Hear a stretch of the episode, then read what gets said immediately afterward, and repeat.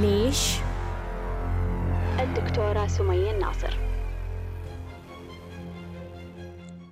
مساء الخير مساء الحب مساء السلام مساء الجمال. مرحبا بمستمعي بانوراما إف إم في ليش؟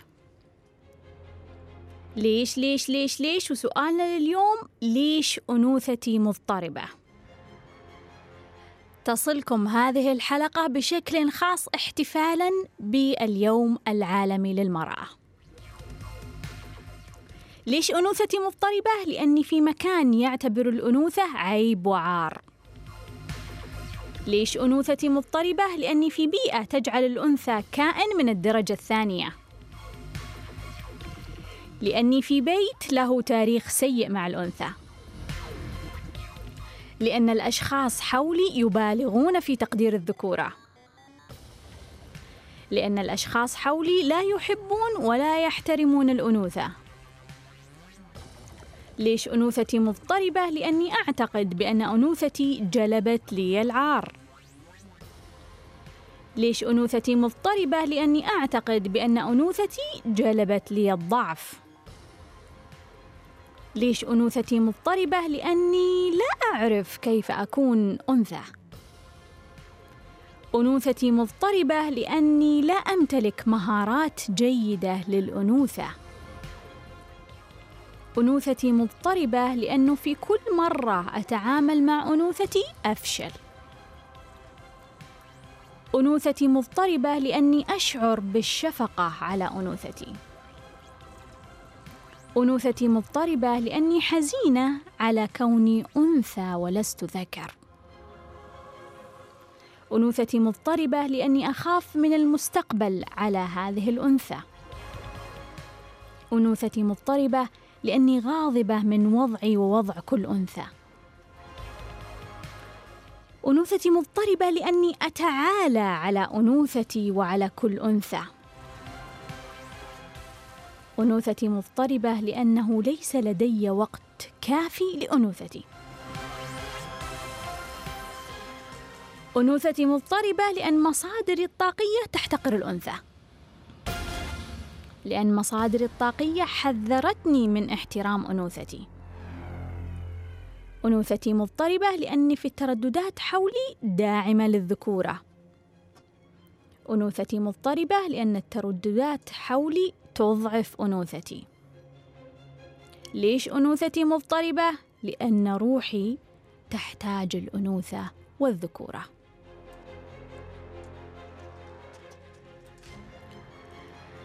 تصلكم هذه الحلقة بشكل خاص بمناسبة اليوم العالمي للمرأة. وردتني بعض الأسئلة حول الأنوثة والذكورة وأحب أجاوب على أهم الأسئلة.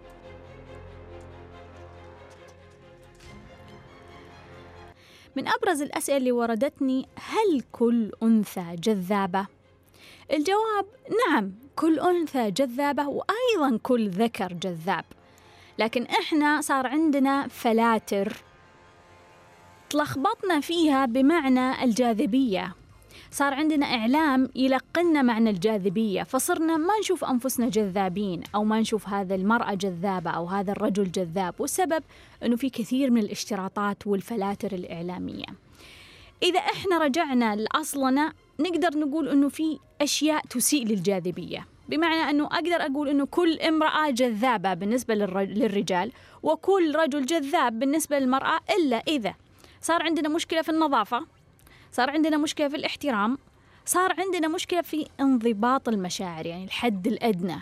يعني بمعنى أنه شكل مشاعرك مثلا تغضب تكون متوتر تكون متلخبط يأثر على جاذبيتك بالنسبة للطرف الآخر. فهذه الأشياء الثلاثة الأساسية اللي أقدر أقول أنه إحنا يجب أن ننتبه لها. ما زاد عن ذلك هو فلتر إحنا قاعدين ندرسه ويدرسونا إياه بس مش بالضرورة يكون شيء حقيقي وواقعي. سؤال أيضا آه، من صديقتي تسأل تقول رجل ينجذب لي وبعد بعد فترة يبتعد أو ليش الرجل أصلا ينجذب وبعد فترة يبتعد؟ خليني أقول لك. إحنا عندنا كيمياء اسمها كيمياء الحب وهي كيمياء حقيقية تدخل المخ وتجعل الإنسان يعيش في خيالات وأوهام وتصورات غير حقيقية. يعني يتخيل أنه هو في صحراء مفلس ما عنده ولا شيء ويتخيل أنه هو في قصر وعنده أكل وكل شيء أوكي وكل شيء ماشي تمام. هذه هي الكيمياء اللي تضرب المخ تخلي هي لما تضرب المخ تخليك كأنك تغير نظارتك أيا كانت هذه النظارة اللي عليك اللي تشوف فيها الحياة وتلبس نظارة وردية.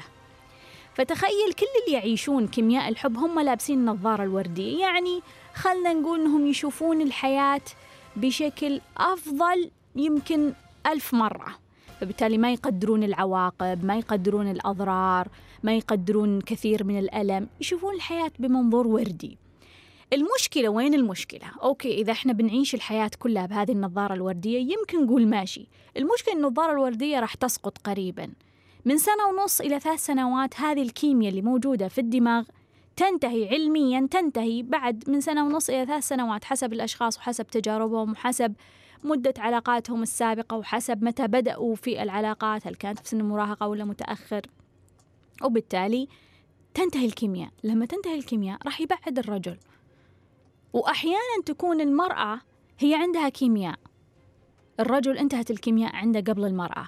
فهي ما زالت تحب وتشوف إنه هو يعني الرجل المثالي وهي لابسة النظارة الوردية بس هو طاحت النظارة. خلاص. انتهى هذا الشعور هذه الكيمياء اللي بين الرجل والمراه انتهت. لذلك تعتبر من أحد الأساليب الجيدة إنه إذا في علاقة يجب أن تأخذ خطوة جادة وهو تسريع فكرة الزواج. لأنه في الغالب إذا العلاقة استمرت أكثر من ثلاث سنوات معناها تقريبا تقريبا ما في زواج لأنه الكيمياء هذه طاحت وانتهت وراحت وما في شيء يضغط على الطرفين أنهم يتخذون هذا القرار.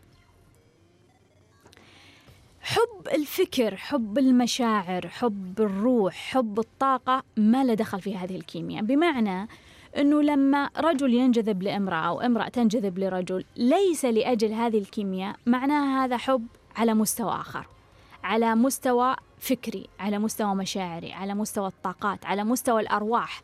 هذا الحب يستمر. هذا الحب عنده وقت أطول من سنة ونص وثلاث سنوات. لذلك الحب الجسدي الجنسي اللي هو كيمياء الحب اللي هو النظارة الوردية هذا هو الغلط وهو غلط كبير. هل يعني إن ما نعيش فيه؟ لا نعيش فيه نجربه لكن لازم نتخذ خطوات حقيقية. إذا فعلا هذا الشخص مناسب لي فكريا مشاعريا طاقيا أشعر أنه روحي تطلب هذا الشخص لأنه يكمل تجربتي في هذه الحياة لازم أتخذ خطوة. سؤال وردني كيف أكون أنثى رقيقة لطيفة هادية وفي نفس الوقت قوية؟ خلني أقول لك أنه القوة موجودة بداخل كل شخص. موجودة عند الأنثى موجودة عند الرجل موجودة في أرواحنا. الفلتر المادي اللي هو الجسد. إحنا أجسادنا كإناث تضعف القوة. وأجساد الرجال تزيد من القوة بمعنى أنه إحنا من الداخل مش ذكر ولا أنثى أرواحنا ليست ذكر وليست أنثى.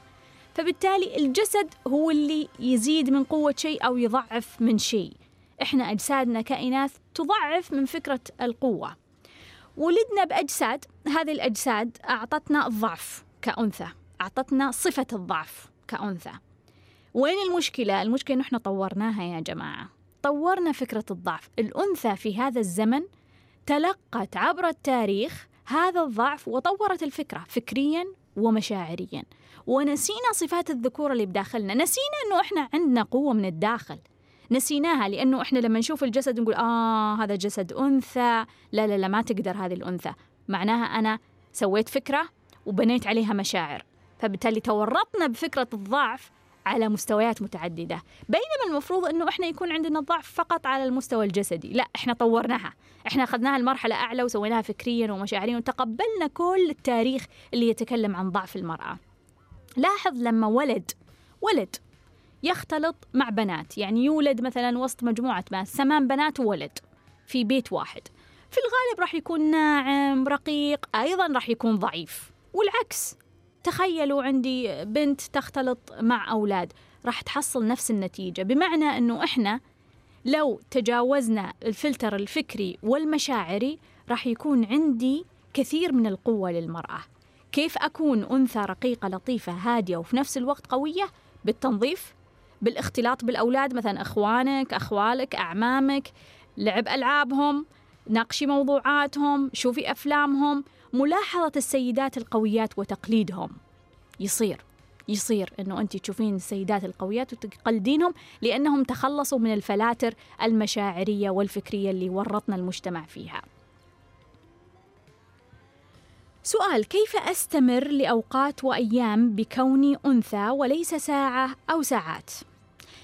أبغى أقول لكل أنثى تعتقد إنه الأنوثة هو تمثيل هو تمثيلية لازم تسويها عشان تكون عليها. هي مش هذه الأنوثة. انت أنثى طوال الوقت. انت أنثى طوال الوقت. لا تمثلين دور مش دورك. انت أنثى طوال الوقت.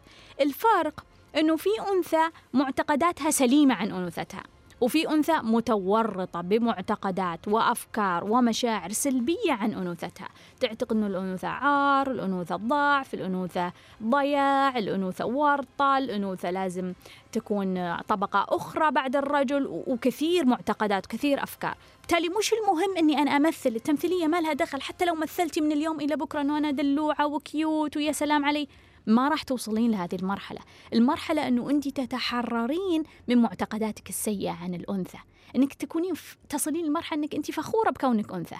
أو على الأقل تتقبلين كونك أنثى. ما عندك أي اعتراضات أنه أنت أنثى. تقبلين أنوثتك بكل أشكالها وألوانها. سؤال. ليش الأنثى فيني خايفة دائما؟ الخوف هي صفة أنوثة.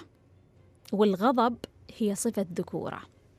لكن يصير رجل يغضب يصير رجل يخاف يصير رجل يخاف. يصير أنثى تغضب يصير. لا يعني أنها إذا هي غضبت صارت رجل. يعني صار عندها من صفات الذكورة. لا يعني أنه في رجل يخاف يعني هو أنثى. يعني صار عنده من صفات الأنوثة. وهذا هذا المطلوب أنه إحنا ناخذ كل الصفات ونستفيد منها أنه إحنا نفعلها كلها, كلها في حياتنا. إيش المطلوب منك؟ المطلوب منك أنك تنظفين الخوف. وتطورين الذكورة. يعني أنت تنظفين الخوف لأنه أنت خايفة هذه أزمة هذه نقطة ضعف لازم تخلصين منها. أطور الذكورة لأن الذكورة عندي متراجعة جدا فأنا لازم يكون عندي توازن ما بين الأنوثة والذكورة. سؤال هل المناصب الإدارية في العمل كرئاسة الأقسام تخالف طبيعة المرأة؟ لا تخالف طبيعة الأنثى. المناصب الإدارية لا تخالف طبيعة المرأة تخالف طبيعة الأنثى. يعني فيه امرأة قوية عن مئة رجال. في امرأة قوية عن مئة رجل. لكن هي تخالف طبيعة الأنثى. ممكن في رجل ضعيف وممكن في امرأة قوية. ليش؟ لأنه عنده الرجل الضعيف عنده من صفات الأنوثة والمرأة القوية عندها من صفات الذكورة. بالتالي ممكن إحنا نحط رجل قائد لكن يكون ضعيف. وهذه أزمة كثير من الرجال مليانين ضعف وهذه أزمة ممكن تكون امرأة لكنها قوية لأنها استخدمت صفات الذكورة اللي بداخلها وقوتها فماذا بداخل هذا الجسد؟ هل بداخل الذكورة مفعلة؟ الذكورة المفعلة بداخل هذا الجسد ما يهمني هذا الجسد ما يهمني هو رجل أو امرأة إذا كان أريد قائد ما يهمني رجل أو امرأة يهمني داخل هذا الجسد هل في ذكورة كافية للإدارة؟ السؤال اللي وردني يقول كيف لا أتنازل عن حقوقي؟ خليني أقول لك أنه ما يصير أنا أعترض أو أطالب بحقوقي وأنا خايفة لأن مجرد ما يجيني أحد يخوفني راح أنسحب. فالمطلوب دائما أني أعدل الخوف. الخوف من أكبر نقاط الضعف اللي قد تكون موجودة فينا. الخوف يا جماعة دمر أجيال وسيدمر أجيال. غالبا إذا شفت شخص ضايع ابحث عن الخوف في حياته. ابحث عن هذه النقطة اللي دمرت الناس. لا تستسلم لا توقف لابد إنك تشتغل على مخاوفك وتعدلها. فإذا في امرأة عندها حقوق ضايعة عندها زوج ظالمها عندها أب ظالمها عندها أخ يظلمها أو يمكن أمها حتى تظلمها. إحنا إحنا مو دائما ترى على فكرة الرجل هو اللي ضد المرأة. أحيانا المرأة هي ضد المرأة. فإذا في أحد ظلمك وأخذ حقوقك عدلي الخوف عدي نقطة الضعف هذه. هذه رسالة تقولك إلى متى وأنت خايفة؟ إلى متى وأنت ترعين هذا الخوف وتحافظين عليه؟ لابد إنك تعدلين هذا الخوف. عدلي معتقداتك عدلي أفكارك. اغضبي اغضبي عصبي أرجوك عصبي اغضبي. احتجي قولي ليش؟ قولي إيش يصير كذا؟ أنا أحتج أنا أرفض. شوفي كيف الحقوقيات الآن. ما يتنازلون عن حقوقهم ويغضبون. طبعا مش هذا هو الحل لكن هذا طريق للحل. هذا طريق للحل لأن الحقوقيات الآن غاضبات. غاضبات تعصب الوحدة وتهاوش وتصرخ. هاي طريقة تدميرية أنه إحنا ندمر واقعنا وندمر الشخص اللي أمامنا. بمعنى أنه لو تلقى شخص أو امرأة غاضبة لأنها تحرت من الخوف فهي غاضبة. فتقوم تغضب على زوجها ولا تغضب على أبوها ولا أخوها. طيب زوجها يضربها هي تغضب. تقوم تضربه تصير مضاربة في البيت ونهاية المضاربة دم. نهاية المضاربة يا جماعة دم. نهاية المضاربة دم غاضب وغاضب تدمير تدمير تدمير. لذلك هذا طريق إني أنا أدف نفسي للغضب بس أنا يجب أن أتحرر من الغضب. يجب أن أنتقل من مرحلة الغضب إلى مرحلة الشجاعة.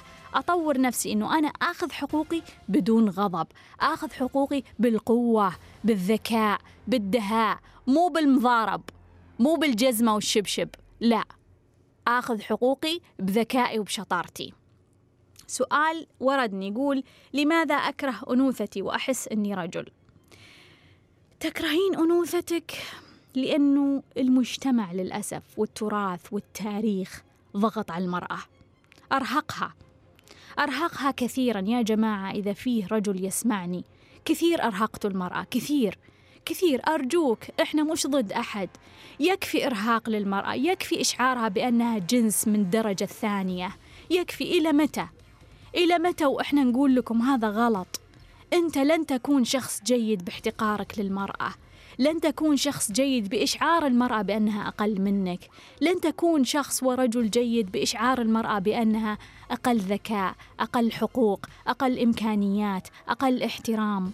stop stop الحياة لن تستمر بهذه الطريقة إحنا سنين طويلة وإحنا نتحمل المجتمع والتاريخ والتراث اللي طوال الوقت يذكرونا إن إحنا عار وإحنا عيب وإحنا مفشل ولازم إحنا ما نتكلم ولازم إحنا ما نقول ولازم إحنا ما نسوي ليش؟ فبالتالي تجيني واحدة زي هاي تقول أنا أكره أنوثتي لأنها تبنت كل الكلام اللي انقال عن الأنوثة لأنها تبنت كل التاريخ اللي انكب على روسنا وتبرمجنا عليه. أسمع كثيرا سيدات يقولون مثل هذا الكلام. طبيعي يصير عندنا 20% 30% من الإناث يكرهون أنوثتهم. يقول لا أنا أحس أني رجل أو أفضل أني أكون رجل. وكل هذه فلاتر إحنا تورطنا فيها. الأنوثة شيء جميل كما الذكورة شيء جميل؟ ما فينا عيب ما فينا عيب إحنا ما فينا عيب هم لزقوا فينا العيب عشان هم ياخذون نجمة ولا نجمتين هم لزقوا فينا العيب لا تصدقين. لا تصدقين لا تكرهين أنوثتك. أنت يجب أن تتخطين هذه المرحلة. تحسين أنك رجل لأنك ترغبين بأنك تكونين رجل. لأنك شفتي طوال الوقت نجوم للرجل. فقلتي في نفسك خلاص بما أن الرجل هو عنده, عنده هو نجوم أنا أحس أن عندي نجوم فأنا أبغى أكون رجل. فسويتي اضطراب لأفكارك واضطراب لمشاعرك. قد نحتاج أن نبدأ بتعديل غذائنا تعديل أكلنا فيتامينات المعادن عشان ما أصل لمرحله إني أنا أعتقد إني رجل وبعدها نشتغل على المعتقدات والمشاعر والأفكار. سؤال وردني هل الأنوثة مرتبطة بالجمال والنعومة؟ الجمال لا. لا. أيضا الذكوره فيها جمال والأنوثة فيها جمال. النعومة نعم. لأن مقابلها الخشونة وهي مرتبطة بذكورة الرجل أو بالذكورة بشكل عام سواء كانت الأنثى أو سواء كانت المرأة أو الرجل. هذا هو توازن الكون. وردني سؤال هل المرأة ذات الحظ الكثير في الخطبة والعلاقات عندها طاقة أنثوية عالية؟ أبغى أقول مش بالضرورة مش بالضرورة حسب المقابل. أحيانا يكون المقابل عندنا ذكورة عالية يعني يكون رجل عنده ذكورة عالية فبالتالي يكون تكون المرأة عندها أنوثة أيضا عالية وذكورة منخفضة. يعني خلينا نقول إنها الموضوع في توازن. فحسب المقابل هل هي قابلت رجل عنده أنوثة أعلى من الذكورة وبالتالي هي ذكورتها عالية فقدرت إنها يعني خطبها أو صار عندها علاقات مع رجال عندهم أنوثة أعلى؟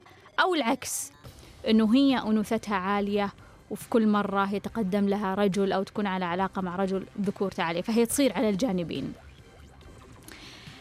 أيضا أحب أنبه لكل امرأة أنها تعتقد أن أنوثتها أنوثتها وخليك منتبهة لهذا الموضوع أن أنوثتها هي اللي تجيب لها الرجل أو تصيد لها الرجل. الأنوثة العالية الأنوثة العالية الغير متوازنة ضعف.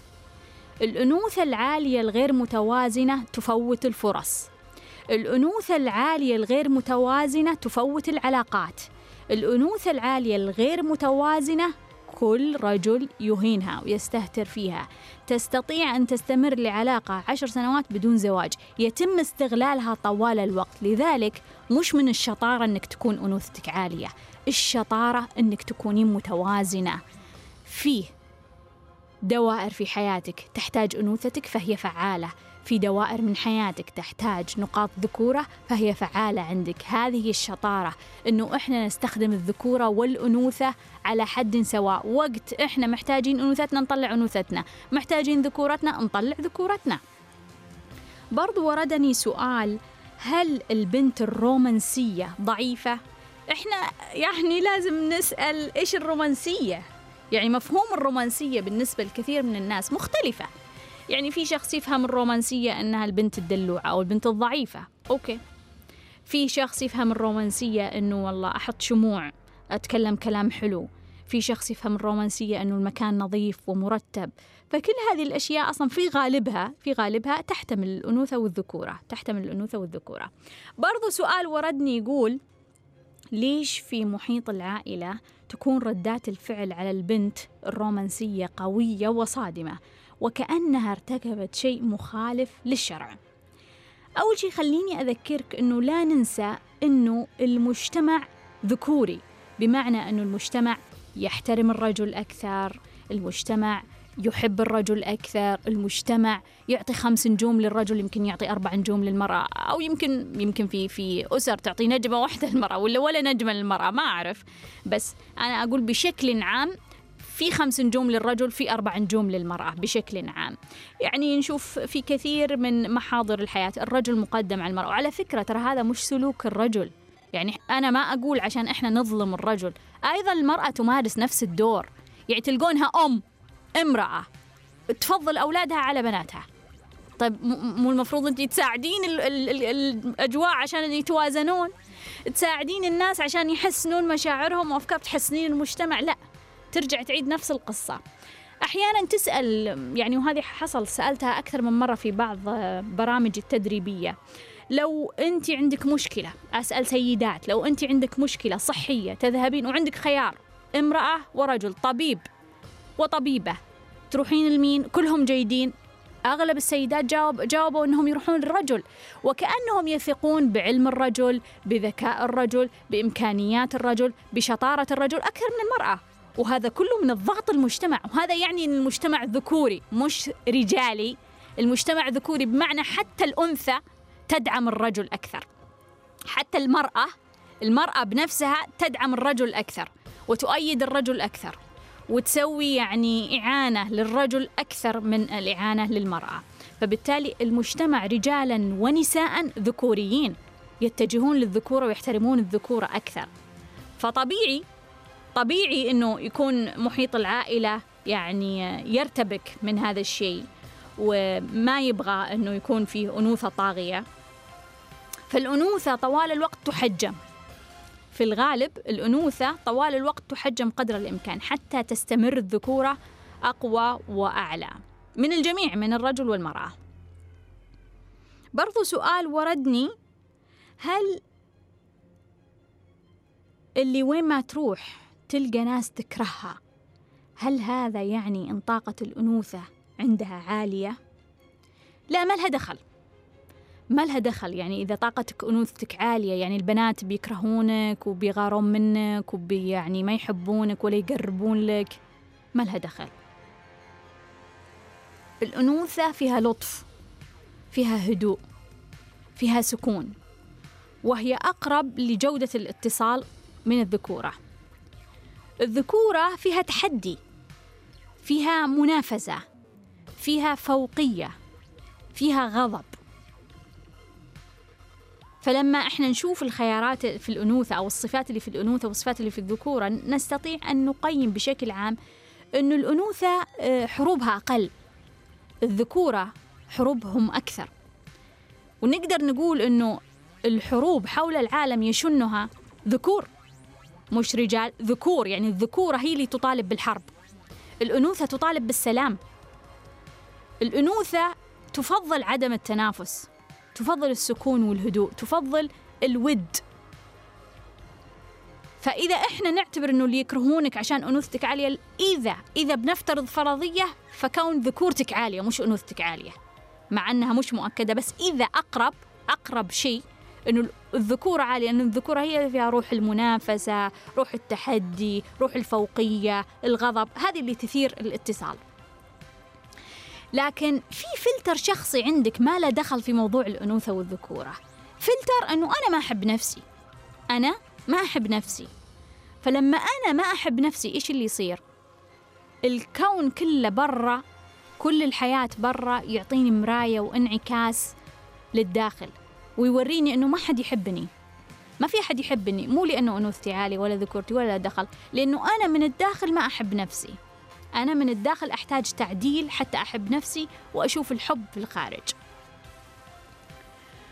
سؤال لخبطة الهرمونات وتأخر الدورة الشهرية له علاقة بطاقة الأنوثة؟ طبعا بدون أدنى شك. لما يكون عندي رفض احتجاج لهذه الأنوثة. لما يكون عندي مشاعر عار شفقة. متفشلة من نفسي إني أنثى. أشعر بالعار إني أنا أنثى. أشعر بالعار من هذا الجسد. أشعر بالشفقة على هذه المرأة اللي مولودة على هذه الأنثى اللي مولودة في هذا المكان. طبعا راح يكون في لخبطة. كيف نصحح؟ نصحح من الجسد. نبدأ بالجسد. الجسد تصحيح الهرمونات بالغذاء بالمعادن بالفيتامينات. وبعدين ننتقل إلى تصحيح الأفكار معتقداتك عن ذاتك عن الأنثى.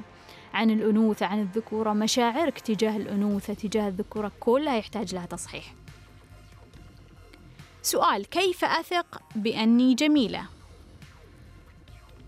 قد يكون الموضوع له علاقة بالأنوثة بحيث أنه أنا أكره أنوثتي فبالتالي أكره شكلي فبالتالي ما أشوف أني أنا جميلة ودائما أشكك أنه أنا جميلة. ولا لا؟ قد يكون في علاقة بالفلاتر في الطفولة يعني مثلا لو فيه أم تخبر أطفالها الذكور والإناث تخبر أطفالها الأولاد والبنات كل يوم مية مرة تقول لهم أنتم مو حلوين أنتم مو جميلين ما فيكم ذرة ملح ما أنتم حلوين شوف شكلك في مراية. تقول للأولاد والبنات. في النهاية الأولاد والبنات ما راح يحسون أنهم جميلين لأنهم تبرمجوا. خلاص. تورطوا في هذه البرمجة. ممكن يوم من الأيام يتخذون قرار واعي وذكي وينظفون أنفسهم يتحررون من مشكلات وجذور الطفولة. أغلب الناس طبعا ما همها لأنها ما تحترم نفسها فبالتالي عادي ما تنظف ولا تعدل ولا تسوي شيء للطفولة. فيصير يعني يعني أقرب من إننا نكون إنه إحنا ندخل الموضوع في الأنوثة والذكورة إن ندخلها في الطفولة. إيش اللي تعرضتي له في الطفولة خلاك تفكرين هذا التفكير. زائد الفلتر الإعلامي اليومي اللي إحنا نتعرض له كل يوم. الضغط اليومي اللي إحنا نتعرض له كل يوم في الإعلام. العين لازم تكون كذا الأنف لازم يكون كذا الفم لازم يكون كذا الشكل لازم يكون كذا الشعر لازم يكون كذا النحف لازم يكون كذا السمنة لازم تكون كذا. كل هذا يسوي ضغط على المرأة أنه تبدأ تشك أنا جميلة ولا مش جميلة. لذلك أيضا لابد أن نتحرر من ضغط الإعلام. برضو سؤال وردني كيف أتقبل تعليقات الناس على شكلي؟ خليني أقول لك المجتمع القريب منك لا يحق لهم أنهم يعلقون على شكلك. يعني مثلا أختك أخوك أمك أبوك خالتك عمتك صديقتك آه، زملائك في العمل آه، زميلاتك يقولك أوه والله شكلك يضحك والله شكلك يفشل. لا ما لهم حق. وبالتالي لازم توقفينهم عند حدهم. الاحترام أساس التعامل. شخص ما يحترمك ما يلزمك. شخص ما يحترمك ما يلزمك. وإذا هو يلزمك لأنه رحم لابد في كل مرة يقول هذا الكلام ترد عليه. ترد عليه. إيه لازم تعلمه أنه كلامه غلط. عشان يعرف أنه لما يتكلم راح يتبهذل. راح يدخل في قصص ما لها أول ولا آخر بيدخل في خلاف ما له أول ولا آخر عشان خلاص يقرر أنه يوقف. أو نسوي له بلوك وننهيه من حياتنا. نعم هذا حل صحيح لأنه هذه العلاقة قائمة على عدم الاحترام وبالتالي هو هذا الشخص يدمرني طوال الوقت. أنا وين رايح؟ وين رايح؟ أنا أنا حاط عندي يعني في في, في طاقتي وفي الأشخاص اللي حولي أشخاص يقللون من احترامي طوال الوقت. ليش؟ ليش؟ أنا أنا روح طيبة أستحق حياة طيبة. ليش؟ ليش خليهم في حياتي أصلا؟ خلاص بلوك ما يستحقون حياتي. ممكن انك تناقشهم بكل أدب. ما أسمح لك تقول هذا الشيء. ليش أنت تقول هذا الشيء؟ احتفظ بتعليقك لنفسك. ما لك دخل في هذا الموضوع. لا تعلق في هذا الموضوع. إذا علقت ترى برد عليك. أنت عندك كثير نقاط ضعف تحتاج أني أقول لك إياها. إذا قلت لي هذا الشيء مرة ثانية راح أبلغك عن أشياء كثيرة عندك سيئة. وهكذا. الناس ترى يخافون. يخافون. يعني أحيانا لو تقول لهم ترى أنا بقول أشياء على طول يمسكون أنفسهم. أنت تحتاج تفرض احترامك على المقربين. وتتنازل أو تسوي block لكثير من الأشخاص اللي ما عندهم استعداد يعدلون من أنفسهم. في دائرة أوسع، هذه دائرتك الصغيرة أنت لازم تضبطها. في دائرة أوسع، دائرة الناس اللي موجودين في الحياة، شخص تشوفه في الشارع. أو مثلا مثلي على ال social media تجيني تعليقات على أسناني، على اصابعي، على شكلي، كل يوم كل يوم عندي تعليقات. يعني ما تتخيل من, من كل مكان في العالم بكل مستويات الوعي دائما في تعليقات حتى لو كانت أحيانا بطريقة مؤدبة. والله عندي اقتراح فيه طبيب أسنان جدا ممتاز وأنا أبغى أسوي أسناني. أحجز لك موعد معي؟ تخيلوا هذا تعليق يصلني يعني أشخاص مؤدبين جدا. لكن أكيد ما يعرفون هم تفاصيل الأشخاص الآخرين. هذول الناس ما تقدر تسيطر عليهم. ما تقدر تسيطر عليهم لكن الطريقة اللي أنا أعتمدها دائما إنك أصلا أصلا أصلا ما تعطي شخص نجوم عشان يقيمك.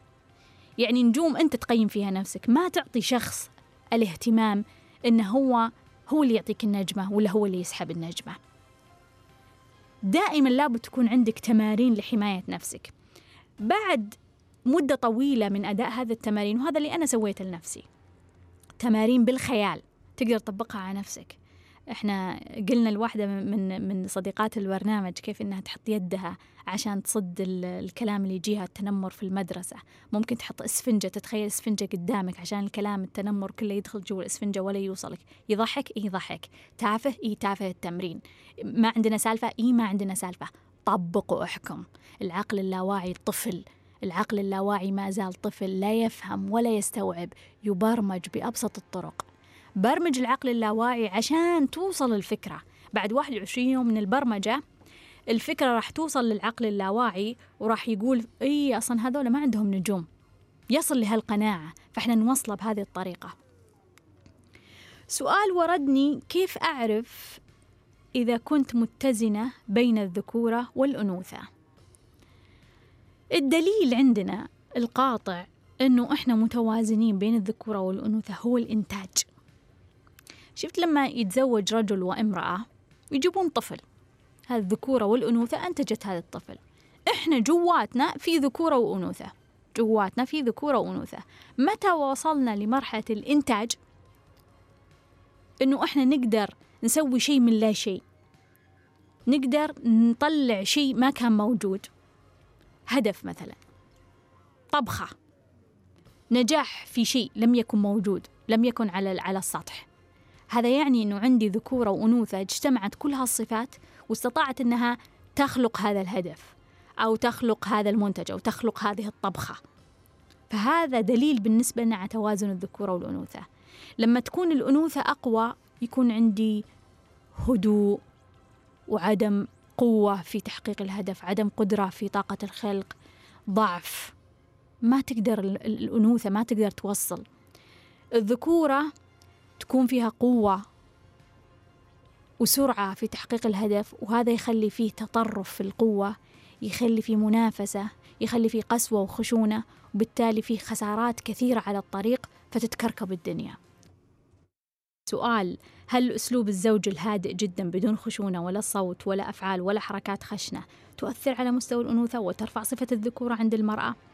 خليني أقول لك أنه إحنا انعكاس لشركائنا بمعنى أنه لما تكون المرأة أنوثتها خلينا نقول 60% بطبيعة الحال راح يجيها رجل عنده أنوثة بنسبة 40% عشان تكمل الأنوثة عندنا 100% والعكس صحيح. بالتالي نعم أسلوب الزوج الهادئ جدا. ما ترفع صفة الذكورة بس هو موجود لأنه صفة الذكورة مرتفعة عندك. هو موجود لأنه أصلا أصلا أصلا قبل الزواج أنت عندك هذه الصفة فبالتالي هو انجذب لك وتحققت هذه الطاقة وهذا الاجتماع سؤال ما هي مواطن قوة الأنثى؟ من وجهة نظري الشخصية أعتقد أنه أقوى نقاط للأنثى السكون المرونة الروحانية لأنه الذكورة مادية والأنوثة روحانية فأنا أعتقد أنه هذه هي أقوى نقاط القوة. سؤال هل المرأة ذات الشعر الناعم أكثر أنوثة من ذات الشعر المجعد؟ السؤال مضحك بس قلت لازم أجيب هذا السؤال لأنه في استشوارات يا جماعة وفي كثير تعديلات يعني إحنا وصلنا يعني تطور رهيب في عالم التجميل. كل شيء يتعدل بس الجواب لا ما لها دخل. ما لها دخل. وإذا إحنا نبغى نتكلم عن الأشكال الهندسية أحب أقول لك أنه المستقيم الشكل الهندسي المستقيم ذكورة والمتمايل أنوثة. بمعنى إذا أنت تبغين تطبقين موضوع الشعر على الذكورة والأنوثة فهو أقرب الشعر المجعد أقرب أنه يكون أنوثة بسبب التلويات اللي فيه. نفس الشيء لما نقول امرأة سوداء أو بيضاء مين أكثر أنوثة؟ ما لها دخل. لكن إذا بنقيسها على الألوان فالأسود هو الأنوثة والأبيض هو الذكورة بس كلها ما لها دخل. سؤال هل التدخين يرفع نسبة الذكورة في المرأة؟ بدون فلاتر لا بالفلاتر نعم لأنه الفلاتر عندنا في عندنا فكرة أنه الرجل هو اللي يدخن. فلما تدخن المرأة إحنا على طول نعطيها صفة الذكورة نعطيها هذا الفلتر فهو filter. filter إنه الرجل مدخن إيه okay هذه عندها صفات صفات الرجل بس هي مش صفات الذكورة. سؤال هل أعمال المنزل تصليح سباكة تنقصد من أنوثة المرأة؟ خليني أقول لك والمواعين بعد. غسيل المواعين النجارة البناء السباكة هذه كلها الأعمال الحركية هي أعمال ذكورية. الأعمال الحركية اللي ترتبط بالجسد وبقوة الجسد وبإنتاج مرتبط بالجسد هذه كلها أعمال ذكورة. لكن إذا إحنا آه، نرتبط بأعمال فكرية مشاعرية فهي أنوثة. سؤال هل نمط الحياة السريع كل شيء بسرعة بسرعة بسرعة يؤثر على أنوثتي؟ الذكورة سريعة. الذكورة كأنك يعني راكب قطار كهربائي سرعته يعني فوق الثلاثمية ويمشي. هذا هو الذكورة. يعني آه، ماشي ماشي. ماشي ماشي مكسر الدنيا كلها. هذه الذكورة سريعة متجهة نحو الهدف ما فيها أي ستوب ما فيها أي توقف ما فيها أي مراعاة. آه، تقدر تمشي تمشي ما تقدر تمشي تتدمر. بينما الأنوثة فيها بطء. الأنوثة بطيئة الأنوثة الأنوثة لا فيها استرخاء فيها نجرب فيها نشوف فيها نسوي يوتيرن فيها نلف يمين نلف يسار فيها نوقف إيه فيها نلغي المشروع ونسوي مشروع جديد. فنعم نمط الحياة السريع هو نمط ذكوري. لذلك على المرأة أنها دائما تحاول أنها لما تكون في جو نمط سريع تحاول إنها تعمل كنترول على الموضوع وتخفف. وهذا أنا دائما أسويه. لما أعمالي تروح أسرع على طول أحاول إني أنا أخفف منها. لما تكون أعمالي هادية وما في عمل أقوم أحدث أعمال عشان أوازن طوال الوقت بين الذكورة والأنوثة. سؤال أهلي يقول يقولون لي كأني ذكر. هذا السؤال خطير يا جماعة. ويسموني دحوم. مع أني حساسه وعاطفيه اي أحد يعصب علي أبكي. شعري طويل. أحاول أطلع أنوثتي. حبيبتي مطولة شعرها عشان تطلع أنوثتها. بس ما فيني مفاتن الأنوثة. شيء كثير مؤلم إنك تسمع شيء في مجتمعنا يصل إلى هذه المرحلة. إنه يقولون لها دحوم. أعتقد أن المشكلة يا حبيبتي قادمة من الطفولة قادمة من اللحظة اللي قالوا لك دحوم. اللحظة اللي قالوا لك دحوم دمروا حياتك للأسف. أمك أبوك خالك عمك إخوانك دمروا حياتك بدون أدنى مسؤولية. هم عايشين مبسوطين وحياتهم زي الفل وطبعا بدون أدنى مسؤولية طفل آه، يعني آه، واحد من الأطفال اللي حولك رمى هذه الكلمة وخلاص. فأنتي كطفلة تقبلتي اسم دحوم؟ أو خلينا نقول مالك خيار لأنك ذاك الوقت بدون فلاتر. فلما نكون أطفال إحنا مش محميين وهذه مشكلة الطفولة يا جماعة. مشكلة الطفولة إنه إحنا مش محميين. يعني لما يجي شخص كبير وعنده أم وأب يلومونه ويضربونه ويهاوشونه أتقبلها. لكن طفل صغير مش محمي ما عنده فلاتر. ما يقدر يحمي نفسه أصلا الطفل الصغير. فكريا ما يقدر يحمي نفسه مشاعريا ما يقدر يحمي نفسه. فهي كانت طفلة. قالوا لها دحوم. إيش سويتي؟ خليني أقول لك. لما قالوا لك دحوم أثر على فكرك. طبيعي أثر على فكرك أثر على مشاعرك. كيف تتخيلين بنت تنشأ تعتقد أنها دحوم؟ بنت تنشأ تعتقد أنها دحوم. إيش بيكون جسدها؟ طبعا بيكون جسد رجل. طبعا بيكون جسد ذكر. وما زالوا يستمرون في نفس العملية. السؤال أنت وش سويتي؟ حبيبة قلبي وش سويتي؟ وش سويتي؟ اغضبي. اغضبي اسمح لنفسك إنك تغضبين. احتجي أرجوك. احتجي اغضبي. أوقفي هذه المهزلة. أوقفي هذه الفوضى. ماذا تنتظرين؟ اللي حولك كلهم فوضويين عديمين المسؤوليه أنانيين. هذه أقل كلمة أقولها عنهم. أنانيين. وقفيهم. وقفيهم. شخصيتك راح تضيع بهذه الطريقة. أبغى أقول لك كل شيء قابل للتعديل كل شيء قابل للتصحيح كل شيء قابل للتغيير. بس قرري. وابدأي فيهم وقفيهم عند حدهم سكتيهم امنعيهم انهم يقولون لك هذه الكلمة. ثم ابدأي بجسدك عدلي اكلك شربك اعملي اختبارات الفيتامينات والمعادن. أكيد هرمون الذكورة مرتفع بناء على الأفكار والمشاعر. وبعدين اشتغلي على أفكارك ومشاعرك. سؤال كيف أحافظ على أنوثتي من خلال الأطعمة؟ بشكل عام نقدر نقول أن التوازن مطلوب لكن خلينا نقول الأشياء الرئيسية الذكور غالبا يميلون إلى اللحوم الحيوانات. الأنوثة تميل إلى النباتات يعني سلطة خضروات. الذكر غالبا يميل ياكل لحم أحمر لحم أبيض. الذكر غالبا يميل إلى الملح والمرأة إلى السكر. لكن ما يعني هذا؟ أنه أنا عشان أرفع نسبة أنوثتي أبى أركز على أكل النباتات وأترك اللحمة أو أركز على السكر وأترك الملح. إحنا محتاجينهم كلهم. لو ما استمرينا نوازن ما قدرنا نستمر في هذه الحياة. فالتوازن هو المطلوب. سؤال دائما أسمع قصائد غزل ومدح بأنوثة المرأة وأتخيل نفسي المقصودة؟ هل هذا يزيد أنوثتي؟ لا هذا احتياج. أنت محتاجة. أنت تبغين أحد يمدحك ويتغزل فيك. ففرضتي هالفرضية. إحنا على فكرة العقل اللاواعي يعني دائما يحمينا. صحيح إنه أحيانا يعني يسوي أشياء يعني مش ذكية بس هو دائما يحمينا يحمينا من الحد يعني يعني يخلينا نعيش. هو العقل اللاواعي هو طفل يحميك. تخيل معك طفل يحميك يعني هو ما راح يخليك تموت. قدر الإمكان راح يبذل أقصى جهده بس جهد طفل أفكار طفل مشاعر طفل. فهو إيش قال لك؟ قال لك اسمعي هذه قصيدة الغزل وتخيلي إنهم يمدحون أنوثتك ويتغزلون فيك.